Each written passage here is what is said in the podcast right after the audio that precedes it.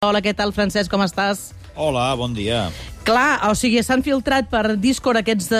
Això és la, com notícies ja de- d'ahir, no? Han detingut aquest noi i llavors ara tothom està explicant què és aquesta plataforma. Um, no sé si hi ha alguna última hora respecte a aquesta notícia. No, no, és confirmar això, que ahir a la vostra, al vostre vespre nit es va detenir Jack Teixeira, aquest noi de 21 anys, que a través d'aquesta plataforma de Discord, en un grup privat, eh, que cal, cal aclarir això, que Clar. aquest noi el que feia era que distribuïa informació confidencial en un grup, en un grup privat que en principi només ho podien veure els membres d'aquest grup tancat.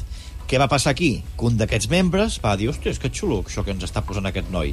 I ho va penjar en altres canals oberts. I allà sí que es va poder eh, pescar per part d'agents russos i per part d'altres persones alguns d'aquests documents i van començar a circular, per exemple, per Telegram. Clar, un cop eh, eh, perds el control d'això, doncs ja ho pot accedir tothom i és aquí on els atrapen. Clar, de fet és una mica, pels que teniu WhatsApp i no teniu Discord, és una mica així com si fos un grup de WhatsApp, no?, en què hi sou uns quants i que algú ho tregui d'allà i que Clar. després ja, ja, ja es difon públicament. Clar, és molt arriscat, perquè si tu en un grup de WhatsApp tancat i poses una informació molt delicada, saps que és fàcil que algú la pugui Yeah. Enviar. Mhm. Va, si són comunitats que hi ha a través de Discord amb els servidors.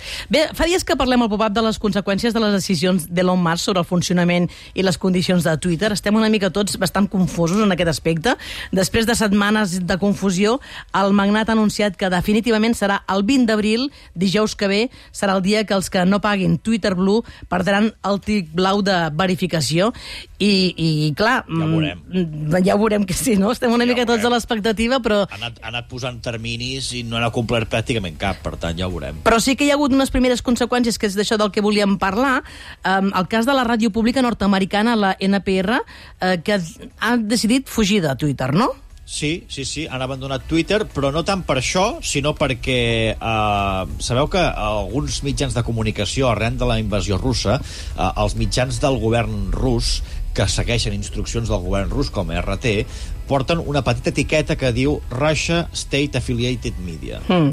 Uh, això ho va fer Twitter doncs, fa un any per intentar explicar a la gent quins mitjans uh, estaven controlats directament pels estats i que, per tant, uh, la seva informació uh, era de part perquè són mitjans que tenen un control molt ferri per part dels seus governs. Doncs bé, ara fa un un parell de setmanes la gent d'NPR es van trobar que els posava uh, US State Affiliated Media això va, va suposar una gran, un gran renou aquí als Estats Units perquè NPR, tot i que és la ràdio pública, no és una ràdio controlada pel govern. De fet, del seu pressupost rep un 1% de, de diners del govern federal i la resta són eh, altres entitats governamentals, locals, estatals, que els donen un 10%, i la resta, el 90%, tot va per donacions, per eh, afiliacions, per, per diners que són privats.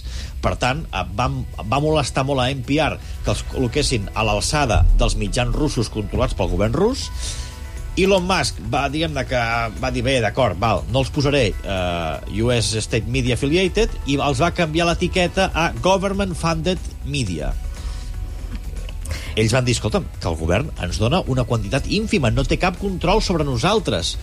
I el que ha fet finalment NPR és dir nosaltres no volem treballar en una plataforma que vol minar la nostra credibilitat i des de fa ja uh, una setmana que no publiquen absolutament res a Twitter i fa un parell de dies van fer un comunicat dient a partir d'ara ens podeu trobar aquí, aquí, aquí, aquí, aquí van fer un llistat de totes les seves xarxes socials però van dir no penjarem més continguts de la nostra ràdio, no penjarem més periodisme a la xarxa Twitter hi ha hagut un altre incident i és que el New York Times va anunciar que no pagarà als seus col·laboradors o periodistes per tenir el xec blau ara que si no pagues no el tindràs doncs què va fer Elon Musk en una decisió també bastant despòtica doncs va decidir retirar el xec al New York Times. El New York Times tenia el xec aquest de Ostres, color groc. que era tenien impunitat, no? És que és fort, això.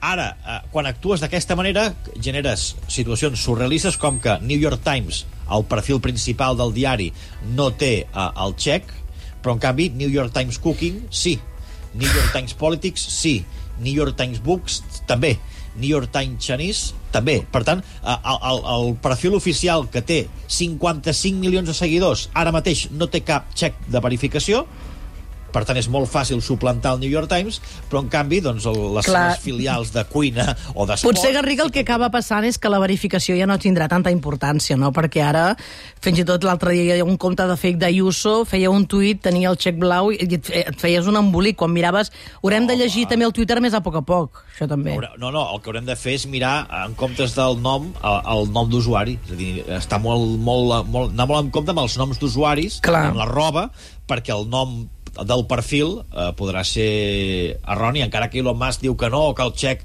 es fa per, per donar seguretat, el que està generant, evidentment, és, és això, que la gent ja no sàpiga què llegeix ni qui llegeix. Clar, no, no, no, i és que a més a més és, és, és això, ens, ens farem un embolic i nosaltres com a periodistes, que a vegades és veritat que hi ha declaracions que ens interessen i hem d'anar a cavall de, del Twitter, no sé, no sé, no sé què acabarà passant, però sempre anem bastant a remolc aquí, no?, a la Catalunya, a l'estat espanyol, del que passa primer als Estats Units i si comencen a donar-se de baixa molts mitjans, pot ser com una bola això de neu, no? Hi ha, hi ha altres mitjans que s'ho han plantejat, però és clar, eh, quan tu tens un canal com el New York Times, Clar. per exemple, de 55 milions de seguidors, és molt difícil tancar un canal que et dona tanta sortida, perquè això genera molt tràfic a la teva Sí, web. sí, per sí, tant, sí. Eh, fins que no hi hagi una alternativa i que, diguem-ne, el món sencer digui ah, doncs ens anem tots cap aquí però això és molt difícil que passi. De fet, ja s'ha intentat i, i no, Ja. Mastodon. Vam parlar molt de Mastodon fa uns mesos i no ha generat una, una, no, una entrada de milions de persones a Mastodon, per tant és complicat. Doncs va, anirem seguint això perquè jo crec que cada dia poden passar coses i el 20 d'abril ens ho ha anunciat de